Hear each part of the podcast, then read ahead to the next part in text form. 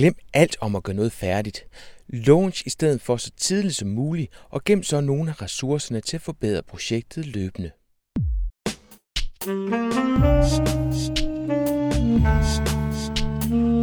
Velkommen til Potterkort, en podcast om markedsføring på internettet. Din vært er Ip Potter. Dagens gæst i Potterkort er Martin LeBlanc Eigtved, co-founder af Glassbox og med til at udvikle Android-applikationen Geekbox og stifter af Icon Finder.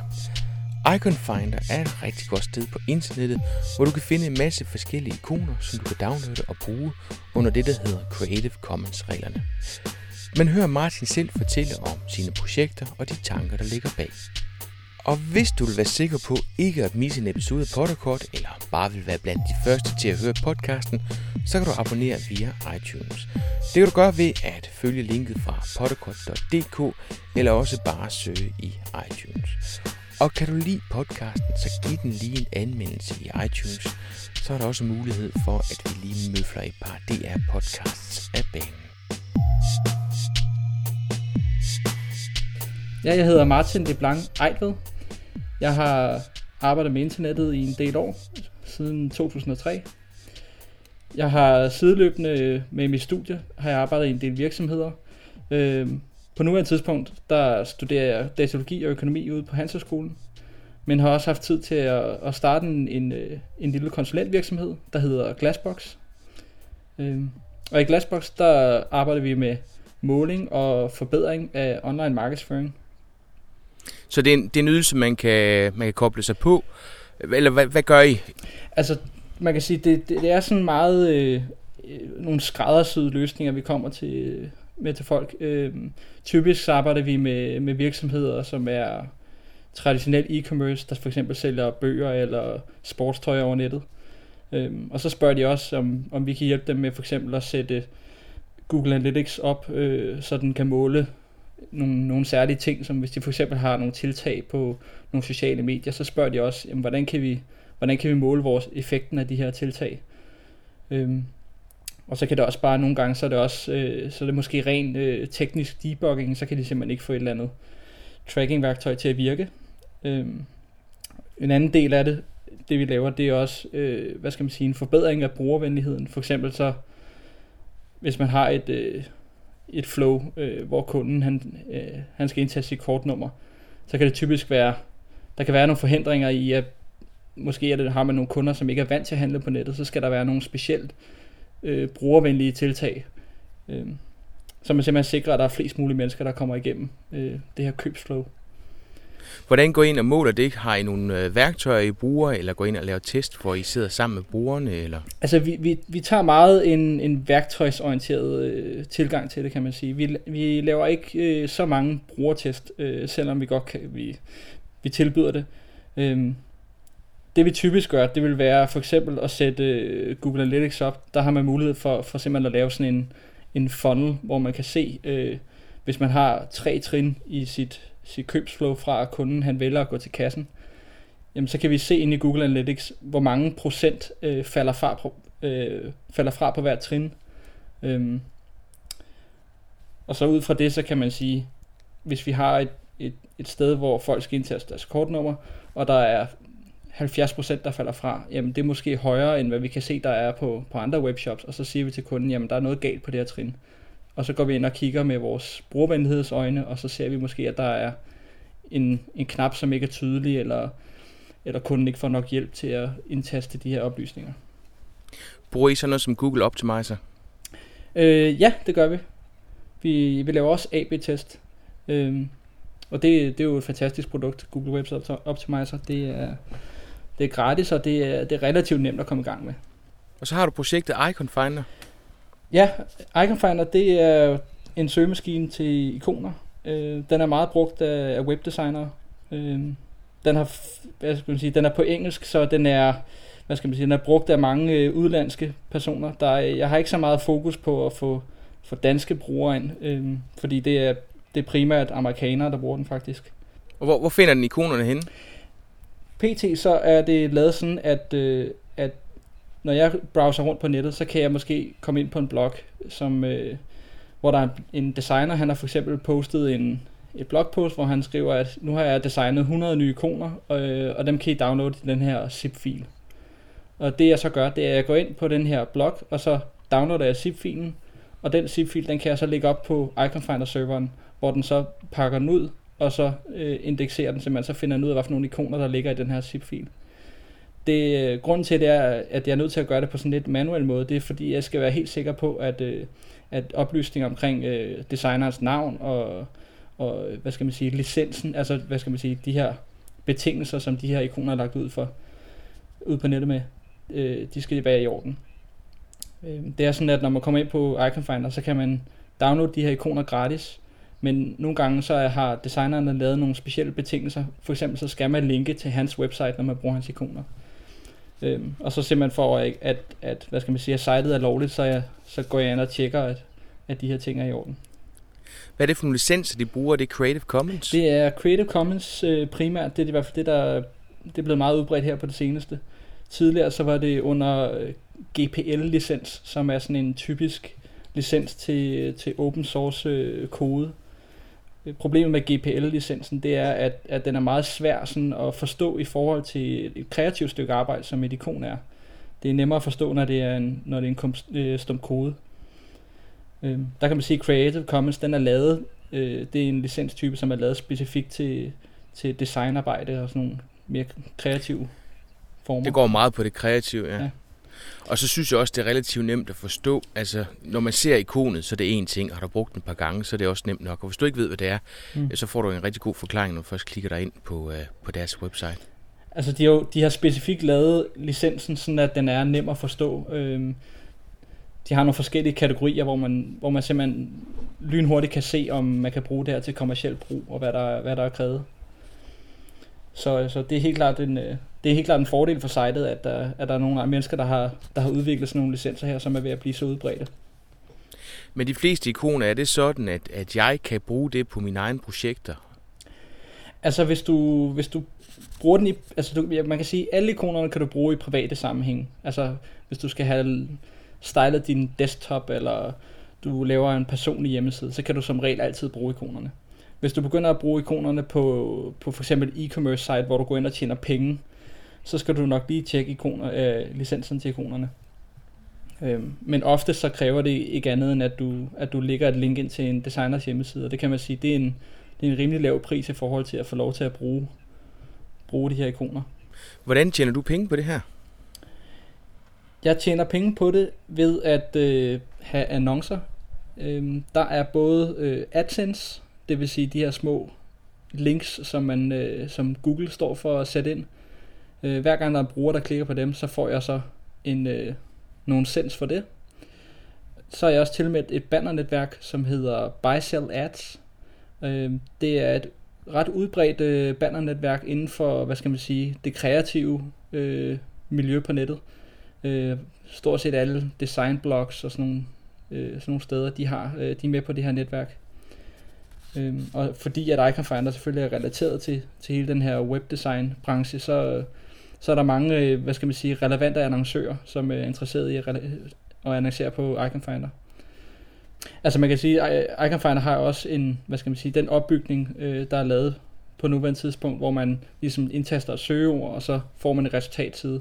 Så er der mange, der går ind og, og, og og ser sitet, og så bladrer de en hel masse gange. Det vil sige, at der kommer til at være mange impressions, øh, som er godt, når man, når man ligesom sidder som en, der skal tjene penge på annoncer. Sammenlignet med blogs for eksempel, så øh, der har man måske en, en forside, eller øh, den, så er det måske den nyeste artikel, der bliver set, og så forlader brugeren sitet. Man kan se på Icon Finder, der er det jo der går folk ind aktivt og ligesom leder efter noget, så der kommer mange flere sidevisninger. Og hvor tjener du så flest penge hen? Er det på AdSense, eller er det på bannerannoncerne? Det er helt klart på bannerannoncerne. Øhm, man kan sige, jeg har, der er også ved, der bliver brugt, hvad skal man sige, væsentligt flere pixels, øh, altså der bliver brugt mere plads på bannerannoncerne på sitet, end der bliver brugt på, øh, på AdSense.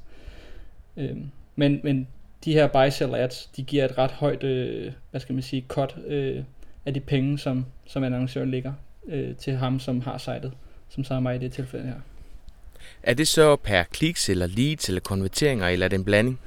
Det er udelukkende på, hvad skal man sige, på sådan en månedsbasis. Altså jeg går ind på Bajsalats hjemmeside, og så skriver jeg, at øh, nu har jeg oprettet det her annonceområde, og det vil jeg gerne udbyde til øh, en eller to annoncører, og det koster 49 dollar om måneden for eksempel. Så kan annoncøren, han kan gå ind på Bajsalats hjemmeside, og så kan han så f- øh, finde mit site og finde min annonceplads, og så kan han se, at for en måned, så koster det 49 dollar, og så kan han gå ind og sige, det vil jeg gerne, og det her det er mit banner. Så det, det fungerer simpelthen uden, uden at man kører det per klik, og, og de, ting, det er sådan, det, de har lavet det super simpelt, hvilket egentlig i virkeligheden er meget rart, øh, fordi det gør markedet øh, rimelig gennemskueligt for de her mennesker, der skal annoncere. Til gengæld så har man fået fornemmelsen af, at det der med at betale for visninger og en, en månedspris, at det er på vej ud. Altså hvis folk ikke kan måle direkte på det, så, så synes de ikke, at de umiddelbart har en værdi. Ja, det tror jeg. Jeg tror, der har været en, hvad skal man sige, at markedet har bevæget sig helt imod den her CPC og, og, og CPA-model nogle gange. Øhm, det jeg til gengæld også tror, det er, at der er måske også en del af annoncører, som, som egentlig synes, det er måske en tand for komplekst. Og derfor så øh, tiltaler den her meget simple model egentlig mange, at man bare ved, jamen altså, der er ikke, du ved, hvad du betaler øh, upfront. Altså, du ved, at det her, det, den her annonceplads, den koster 49 dollar for den her måned her. Øhm, altså, der er ikke så meget hul om hej med prisen. Det er bare 49 dollar, og så har du pladsen. Så du har nemt ved at komme af med din bannerplads? Ja, jeg har, der er stort set udsolgt. Jeg tror, der er tre eller fire pladser tilbage ud af ja, 12 øh, mulige. Så. så har du Geekbox. Ja, Geekbox, øh, det er en mobilapplikation til, til Android-mobiler, der kan finde, øh, finde koncerter på, baseret på ens øh, lokation. Det var egentlig et projekt, som, hvad skal man sige, vi startede en halv for sjov, og, og så halvt i forbindelse med, med skolen. Øhm, de to øh, personer, som jeg har lavet det sammen med, to af mine kammerater, øh, læser datalogi på Københavns Universitet, og de øh, har lavet Geekbox i forbindelse med deres speciale, og jeg lavede Geekbox i forbindelse med et fag på, på Handelshøjskolen, hvor jeg læser. Øhm, og vi lavede simpelthen mobilapplikationen, øh, udover at det selvfølgelig var en del af skolen, men så også med, med det formål, at vi kunne deltage i, øh, i en konkurrence, som Google afholdt. Øhm, Google har for andet år i træk afholdt en konkurrence, hvor man kan indsende en mobilapplikation, øh, som kan køre på deres øh, Android-styresystem. Og så har de så ud, udbudt øh, nogle rimelig store øh, præmier for, til de bedste applikationer. Øhm, og konkurrencen den er faktisk den er lige afsluttet, og vi fik en, øh, en fjerdeplads i, i lifestyle-kategorien. Så, Tillykke med det. Så det var jo... Vi ville godt have været no, i hvert fald nummer tre, øh, men øh, det var fint nok at blive, blive nummer fire, fordi vi, ja, ja. der var rigtig mange, der deltog. Øh, jeg tror, der, var, vi har ikke, der er ikke kommet et officielt tal ud, men øh, sidste år deltog der i hvert fald øh, over 2.000 applikationer, så, så det er vi rimelig glade for. Det er da flot. Det er da rigtig flot. Okay. Er, er, det, er det noget, som så er tilgængeligt på nuværende tidspunkt, eller er det noget, I skal arbejde videre med? Det er, den er ude, øh, og hvis man har en Android-mobiltelefon, så kan man gå ind på deres øh, på, på det marked, den markedsplads, der er, og så kan man søge på Geekbox og, og downloade den. Øhm, og den, det, man kan sige, den, den fungerer det på den måde, at du, øh, du sådan set bare starter Geekbox, øh, og så øh, slår den op på, øh, på det musiksite, som hedder Last.fm, og finder ud af, hvad for nogle øh, koncerter er i nærheden af dig, og så henter den det information ned på din mobiltelefon. Det vil sige, hvis du står inde i, i midten af København for eksempel, så finder den ud af, hvad for nogle koncerter, der spiller på, på Vega i, i aften eller i de, de kommende dage.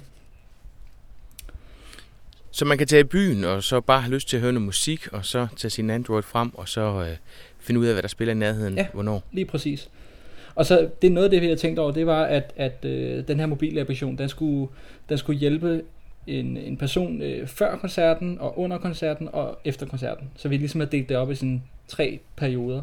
Og man kan sige, at den her søgefunktion, den, den er, fungerer primært for dem, som er, hvad skal man sige, umiddelbart før koncerten, hvor du ligesom skal, skal finde, øh, finde frem til, hvad du gerne vil høre. Når du så er ind til koncerten, så øh, hvis du så bruger Geekbox til for eksempel, i stedet for at du bruger dit normale mobilkamera til at tage, tage billeder med, hvis du så tænder Geekbox, så har du mulighed for at tage billeder igennem Geekbox. Og det den så gør, det er, at den, øh, de billeder du tager, den lægger den op på en, en webserver, og så kan du så samtidig tweete at du, nu har du taget det her billede. Det, det sker alt sammen automatisk. Det vil sige, at du kan indstille Geekbox til, hver gang du tager billedet ind til en koncert, så får dine venner et link til, til din øh, billedstrøm her fra koncerten. Øhm, og det var simpelthen noget, vi kunne se. Vi kunne se for eksempel på Facebook, at det var noget, som, som brugerne rent faktisk øh, af vores kammerater gjorde. Altså, de tog til en koncert, og så øh, under koncerten, så uploadede de billederne fra deres telefon. Det Geekbox gør, det er, at den selvfølgelig bare gør hele den her proces meget nemmere. Så du har mulighed for at fortælle dine venner, at du, har, du er ude og opleve noget sjovt. Har man mulighed for at se nogle af de billeder, som de andre tager, uden at have kendskab til dem? Ja, det er der også. Øh, man kan sige, at når du snart, snart du tager billeder igennem øh, Geekbox, og de bliver lagt op på, på nettet, så er de, hvad skal man sige, offentliggjorte.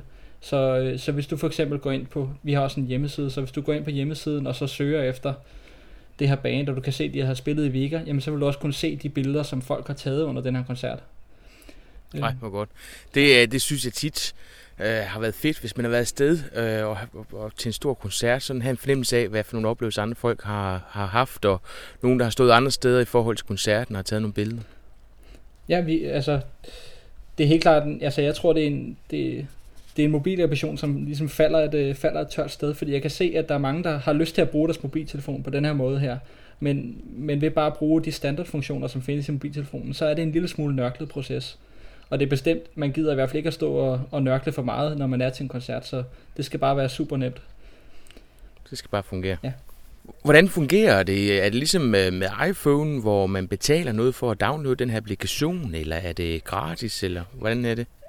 Indtil videre så er den gratis. Og vi har, vi har tænkt lidt på, om vi skulle tage nogle penge for den, men her i første omgang, så kunne vi godt tænke os at hvad skal man sige, få udryddet de, de værste bugs, før vi begynder at tage penge for det, og så simpelthen få bygget en, en stor brugergruppe op. Fordi man kan sige, der, der er også meget af værdien, der ligesom ligger i, at, at, at vi har en masse brugere, som har lyst til at tage en masse billeder. Det vil sige, i første omgang, så vil vi gerne have det, have det udbredt til, til så mange som muligt. Noget af det, vi har tænkt på, det er for eksempel at, at, at have en gratis version, og så have en version, som for eksempel kan optage video fra koncerten. Men så den version, der så kan optage video, den koster så måske nogle penge. Og, og sådan fungerer de applikationer, som jeg har på min iPhone, og jeg kan mærke, at de applikationer, som har en værdi øh, i en light, at der er overhovedet ikke noget mod at skulle betale for dem, når, når først de kommer på markedet og er helt funktionsdygtige, eventuelt har nogle ekstra funktioner. Øh, Øh, og jeg vil sige, at nogle applikationer, som man ikke kan få i en light udgave, jamen dem får jeg aldrig prøvet af, fordi jeg giver 48 kroner for noget, som jeg egentlig ikke rigtig ved, hvad er. Det, det får jeg ikke lige gjort. Nej. Nej, det, det, er en, øh, det er en rigtig god, øh, hvad skal man sige, forretningsmodel, hvordan man kan bruge, altså ligesom kombinere et gratis produkt sammen med et, et produkt, der koster penge. Og det er jo ikke fordi, at det behøver at koste meget mere end nogle, nogle få dollar. man kan sige, at vi har ikke, vi har ikke specielt store udgifter per, per ekstra bruger, vi får, så, så altså, vi er måske mere interesserede i at have 50.000 brugere, øh, som bruger den gratis version, og så bare have nogle, nogle få tusind, som, som køber den så vil det kunne dække vores, vores udgifter til, til server og, og de andre ting. Og den volumen inspirerer også til, hvad man kan bruge jeres produkt til. Det tror jeg, der er altid også. Ja. Så, nu har du tre øh, projekter. Hvad, hvad gør du for at markedsføre dem? Øh, hvad for nogle tre ting synes du, der er, der er mest effektive i forhold til at drive, øh, drive folk til øh, de her projekter? Altså det, det primære, øh, som jeg synes er det allervigtigste, det er at man får skabt et, et hvad skal man sige, et produkt, som, øh, som folk har lyst til at, at tale om. Altså simpelthen et produkt, som, som folk fortæller videre til deres, til deres kammerater. For eksempel med, med, med Geekbox, jamen, så vi vil gerne have lavet en applikation, som, som folk viser deres kammerat, som, altså, hvor man ligesom siger, ej, prøv lige at se, er det ikke, er det ikke fedt, man lige kan gøre det her? Øhm, altså simpelthen designe produktet og, og tænke over det fra start, at det her, det er simpelthen, vi skal have lavet noget, som er, som er så fedt, at folk de gerne vil snakke, med, øh, snakke om, om produktet øh, med deres venner. Øhm, og man kan sige, noget af det, som jeg har, jeg har tænkt over med, med Icon Finder, øh, det er også, at, at simpelthen lave et produkt, som er øh, simpelthen for det lavet så nemt at bruge, og så effektivt som muligt, øh, så folk de simpelthen, øh, hvad skal man sige, hvis man sidder og webdesigner, hvis man så spørger en eller anden øh, af sine øh, kollegaer, hvorfor bruger du ikke Icon Finder? Fordi det er super nemt. Altså, det skal simpelthen være, hvad skal man sige, man skal kunne sprede sin, sin idé øh, organisk øh, i stedet for at man hele tiden skal pumpe penge i for at markedsføre det. Og det, det kan man også godt se på Icon Finder, synes jeg. Altså, det er ligesom om, du har bygget det op omkring noget andet, som kunne minde om, om den der simplicitet, nemlig Google som søgemaskine. Øh, så i stedet for at falde for den der med, at man bliver præsenteret med alt det, man kan finde, så har du bare en fornemmelse af, her er der en søgefunktion, som kunne finde en masse ting. Så skriver du meget kort, at der er øh, godt og vel 125.000 ikoner, mm. og fordelt over 320 øh, ikonsæt. Ikke? Ja, altså jeg har, jeg har været tænkt meget over, om jeg skulle have en, en, en forside, som ligesom viste en hel masse ikoner, og det er der også nogle brugere, der har spurgt efter.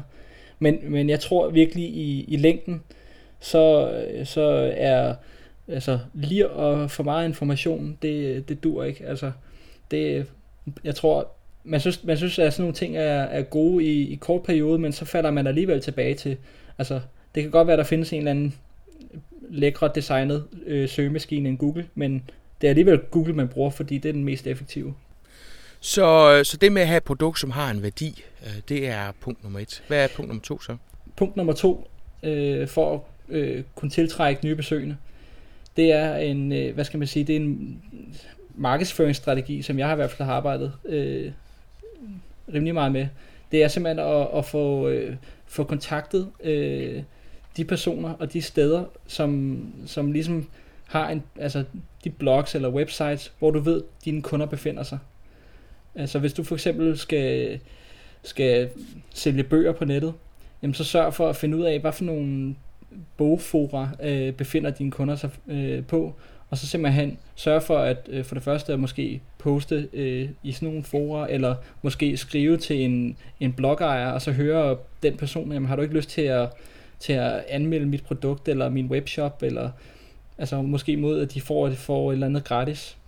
Øhm, det er noget i hvert fald, jeg har brugt meget på med, med Icon Finder, simpelthen skrive til, til folk, som har en eller anden en meget populær blog, så spørge dem om, kender du mit website? Øh, det er helt nyt. Øh, man kan finde en masse ikoner. Så nogle gange så bliver de overrasket, så siger nej, det kendte jeg ikke, det var et meget øh, fedt site, det skriver jeg lige om. Øhm, og simpelthen, altså, man kan sige, skriv en venlig mail til, til de rigtige mennesker, det kan man komme rigtig langt med. Er du kommet galt af sted med det nogle gange? Altså jeg, jeg tænker, jeg kan godt forestille mig, at det er rigtig effektivt, men jeg tror også, man skal gøre det meget øh, med gefyl, ikke? Jo, helt sikkert. Og jeg, man kan sige, at at hvis du kommer, hvis du, hvis du ligesom skriver mailen, og du, du ligesom har et meget kommercielt produkt, hvor, den ligesom, hvor han bloggeren, han tænker, jamen altså, den eneste grund til, at han skriver til mig, det er fordi, at han bare vil sælge noget mere.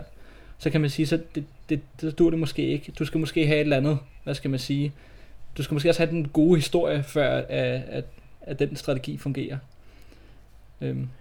Og igen hænger det sammen med, jamen altså, hvis du har et produkt, som er, som er værd at tale om, øhm, så får du også nemmere, nemmere bedre mulighed for at komme på de her, de her blogs. Men også selvom du ikke selv har udviklet et produkt, kan der jo godt ligge noget fornuftigt i, at man sætter sig ned og finder ud af, hvorfor det er, man forhandler de her produkter. Altså de fleste produkter har jo en god historie.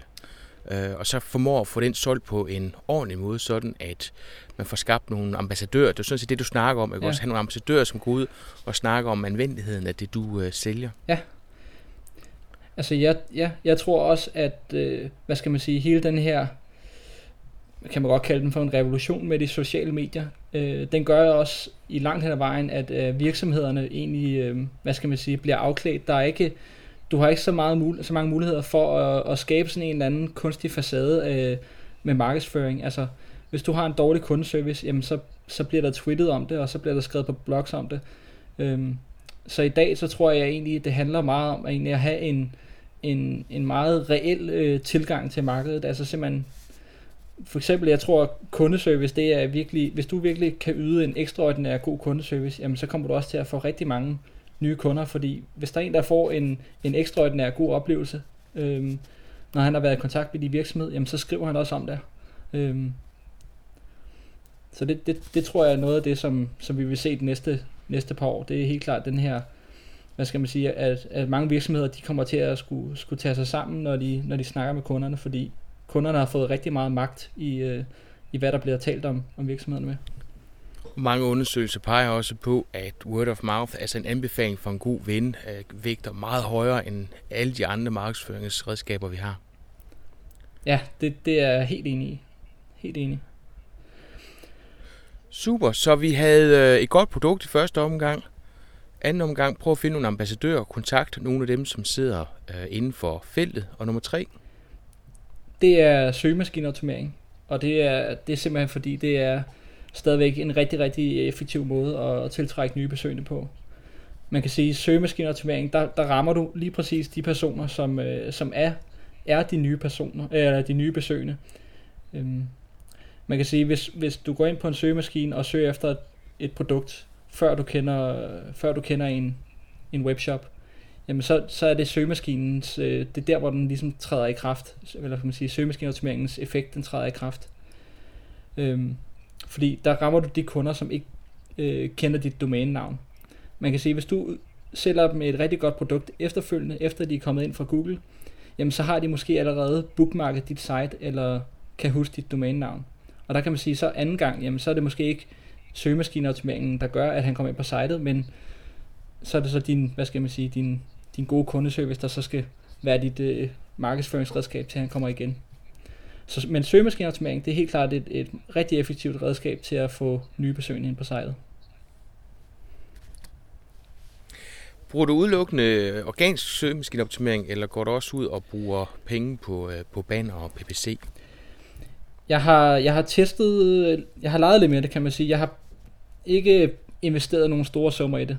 Øhm, jeg har arbejdet en del med, med søgemaskineoptimering, især på, på Icon Finder.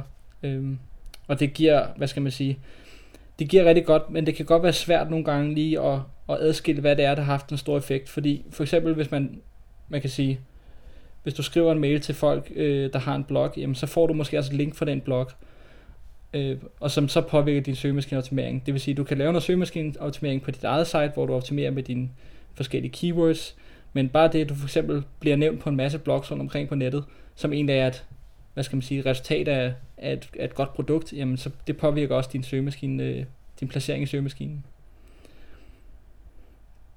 Så man kan sige, når jeg, når jeg for eksempel sender en mail ud til de her blogejere, jamen så, så vil det også påvirke øh, placeringen i søgemaskinen, øh, hvis jeg får et link fra de sites.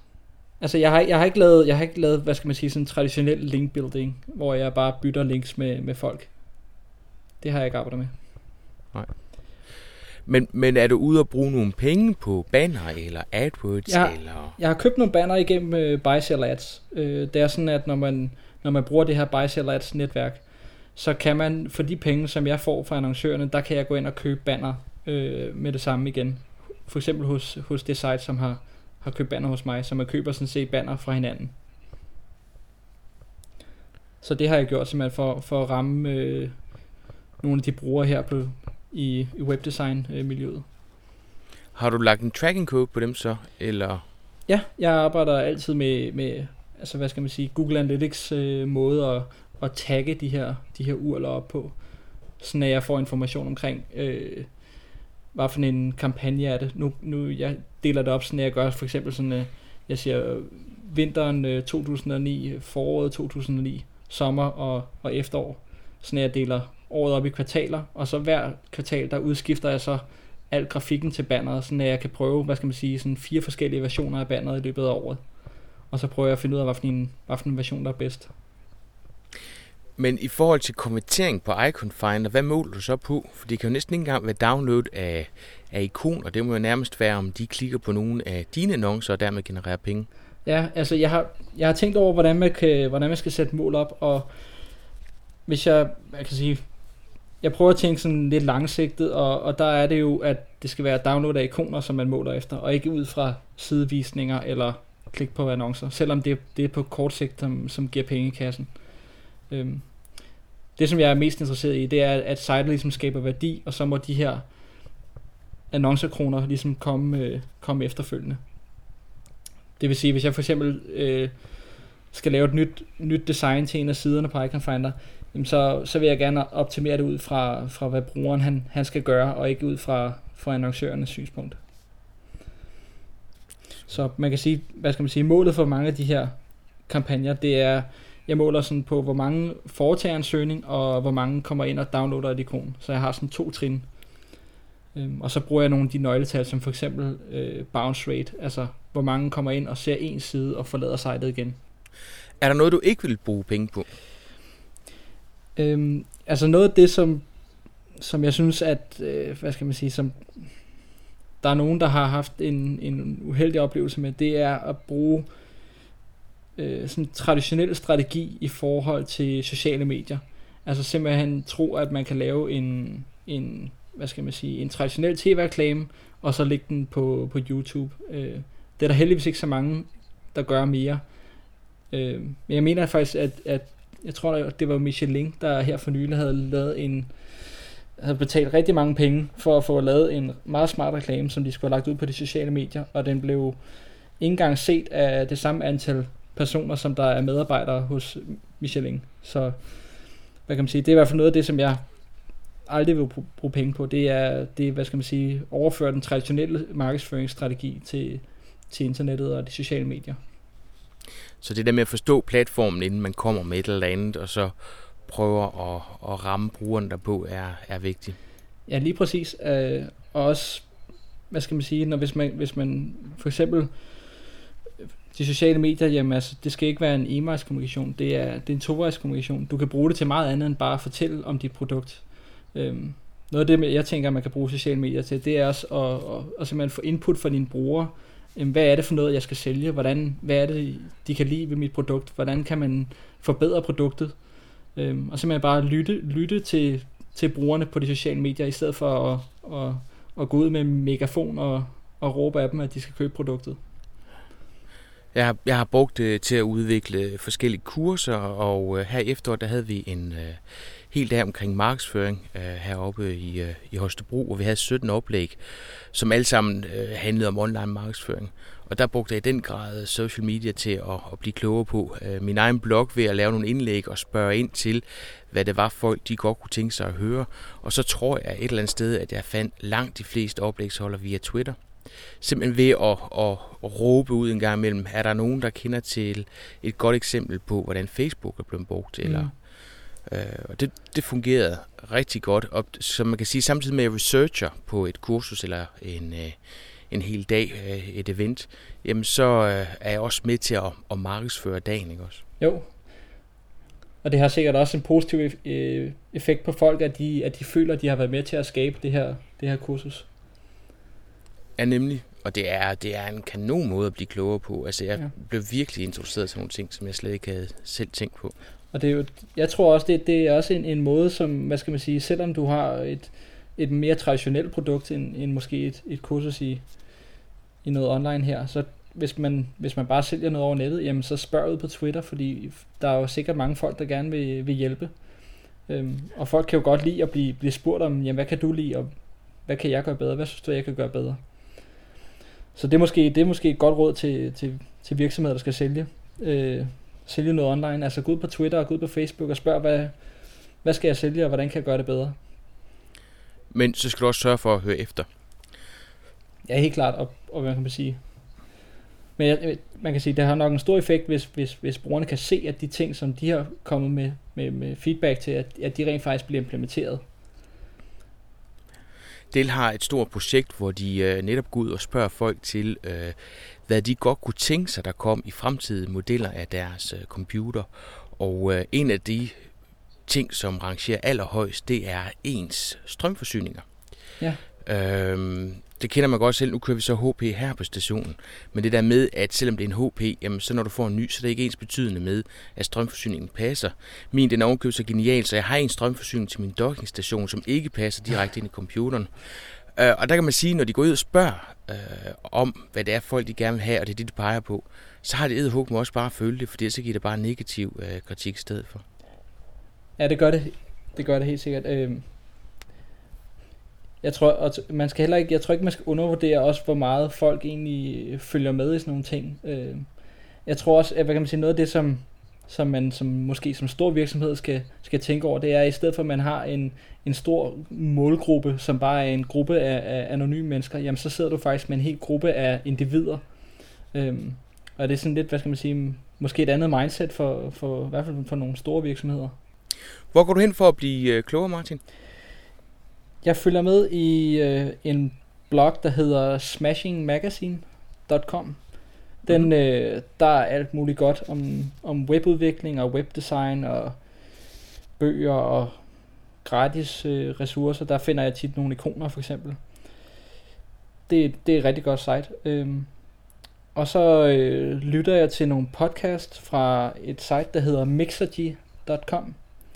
Det er en amerikansk øh, iværksætter, som har, han har tidligere haft en, et større website, hvor han har tjent nogle penge, og, og nu tror jeg bare, han, han hygger sig med at interviewe andre iværksættere.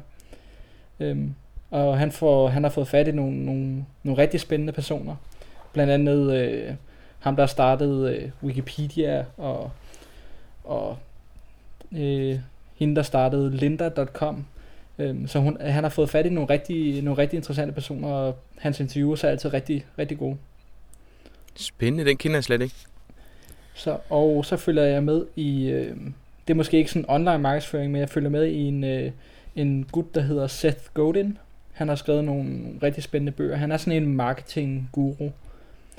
Øhm, og så har jeg fundet en, en relativt ny, øh, det er en dansk blog. Den er godt nok på engelsk, men det er en dansker, som har skrevet den. Den hedder øh, bigdal.com, eller den staves b a e k d a l.com.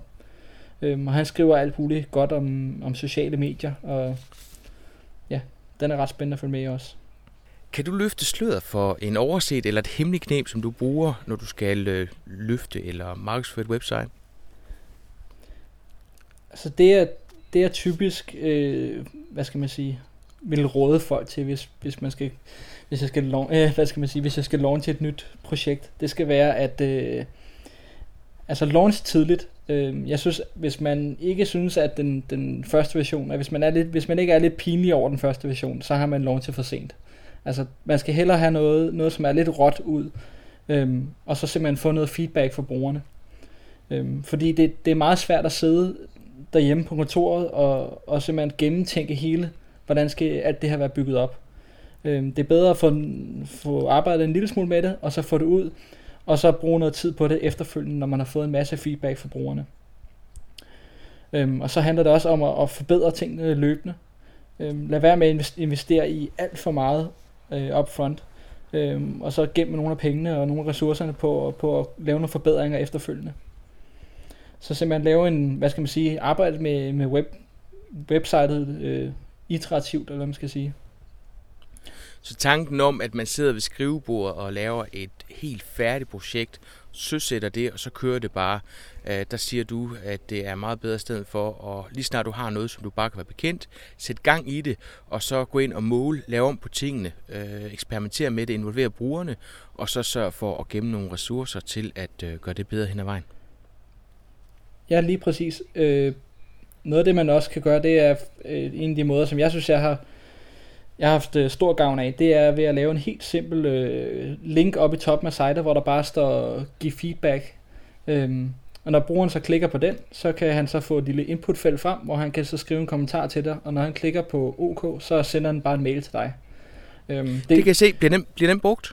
Det gør den rigtig meget, og, og man får, hvad skal man sige, hvis man har et website, som, øh, som kræver, øh, hvor der er nogle ting, som ikke fungerer, det kan enten være en teknisk, teknisk bug, så er der som regel nogle venlige mennesker, som skriver, øh, prøv at høre, der er sådan lige en lille bog her, øh, der må du heller lige få rettet.